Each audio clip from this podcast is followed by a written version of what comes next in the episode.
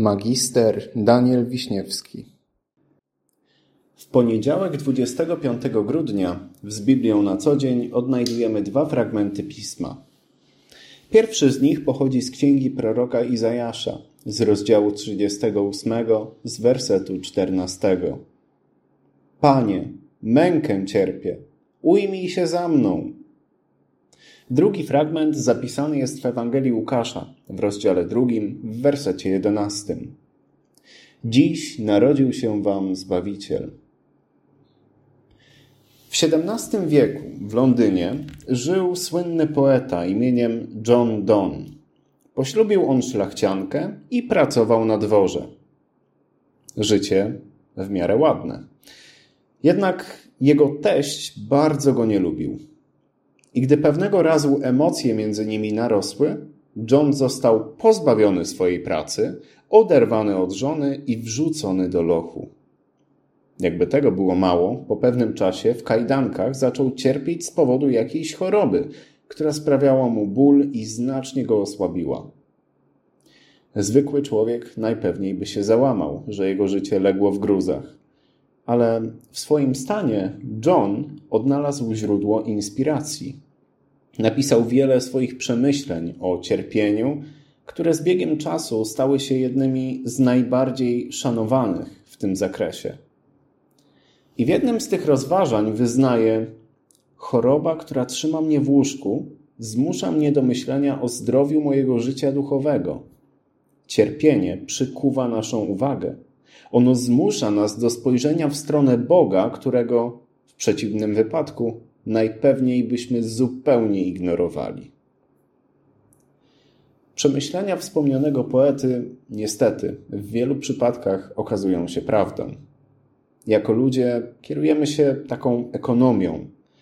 Nie chcemy wykonywać działań, które uważamy za zbędne. Nie koncentrujemy się z natury na rzeczach, które nie przynoszą nam wymiernej korzyści, niezależnie czy jest to korzyść materialna, finansowa, czy choćby nawet taka korzyść w postaci po prostu przyjemnie spędzonego czasu. Dlatego powiedzenie jak trwoga to do Boga nie wzięło się znikąd. Bóg może wydawać się nam zbędny, gdy wyznawanie wiary w Niego nie przynosi nam żadnej nagrody. Potwierdza to innymi historia narodu wybranego, w której tworzeniu uczestniczył wspomniany dzisiaj prorok Izajasz. Za każdym razem, gdy nastawały dla Izraelitów czasy pełne spokoju, stabilizacji, bezpieczeństwa, stopniowo oddalali się oni od Boga, aż w końcu nawet całkowicie o nim zapominali. Ale wystarczył jakikolwiek negatywny impuls, zagrożenie, choroba, głód, cokolwiek, a już sobie przypominali, jak ważne jest być blisko swojego Stwórcy, modlić się do Niego, wychwalać Jego imię, chodzić Jego ścieżkami.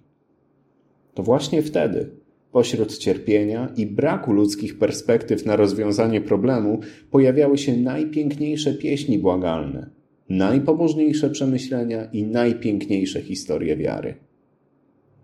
Podobnie jest też z nami. Nam też zdarza się podchodzić do wiary w Boga z niezbyt wielkim zaangażowaniem, gdy akurat w naszym życiu przechodzimy przez okres stabilizacji i my też wołamy do Niego z wielką energią, gdy dzieje się nam źle. Dobra wiadomość jest taka, że skoro Bóg z taką cierpliwością podchodził do Izraelitów w trakcie ich wielopokoleniowej historii, to i nami prawdopodobnie się nie znudzi. A jeszcze lepsza wiadomość jest taka, że przez swojego syna, którego pamiątkę narodzenia dzisiaj obchodzimy, dał nam wyraźny znak, że pomimo naszych niedociągnięć wyraźnie słyszy nasze wołanie, kiedy tylko takowe się pojawia. Boże Narodzenie to czas spotkań z rodzinami, bliskimi, przyjaciółmi, czas ciepła i miłości. Nie zapominajmy więc w tym całym zawirowaniu o tym, który jest źródłem tych wspaniałych rzeczy. Pamiętajmy o nim dzisiaj podczas świątecznych rozmów, wtedy, kiedy cierpimy, ale też przede wszystkim wtedy, kiedy w naszym życiu wszystko jest w najlepszym porządku. A dzisiejsze rozważanie pragnę zakończyć słowami autorstwa Marcina Lutra. Jeśli zastanowimy się nad całą wspaniałością i chwałą życia, które dostaniemy, gdy już powstaniemy z martwych, nie będzie nam w ogóle ciężko dźwigać zmartwień tego świata. Jeżeli ja wierzę Bożemu Słowu, to w trakcie sądu ostatecznego, gdy już zapadnie nad każdym człowiekiem wyrok lub ułaskawienie, to nie tylko z uśmiechem spojrzę na te wszystkie pokuszenia, zniewagi czy zakucia w kajdanki, których doświadczałem, lecz powiem także: Och, jak ja żałuję, że nie zrobiłem absolutnie wszystkiego, co mogłem i nie rzuciłem się pod stopę bezbożnych dla tego pięknego widoku, pełnego chwały, który teraz jest przede mną odsłonięty przez dzieło Chrystusa. Amen.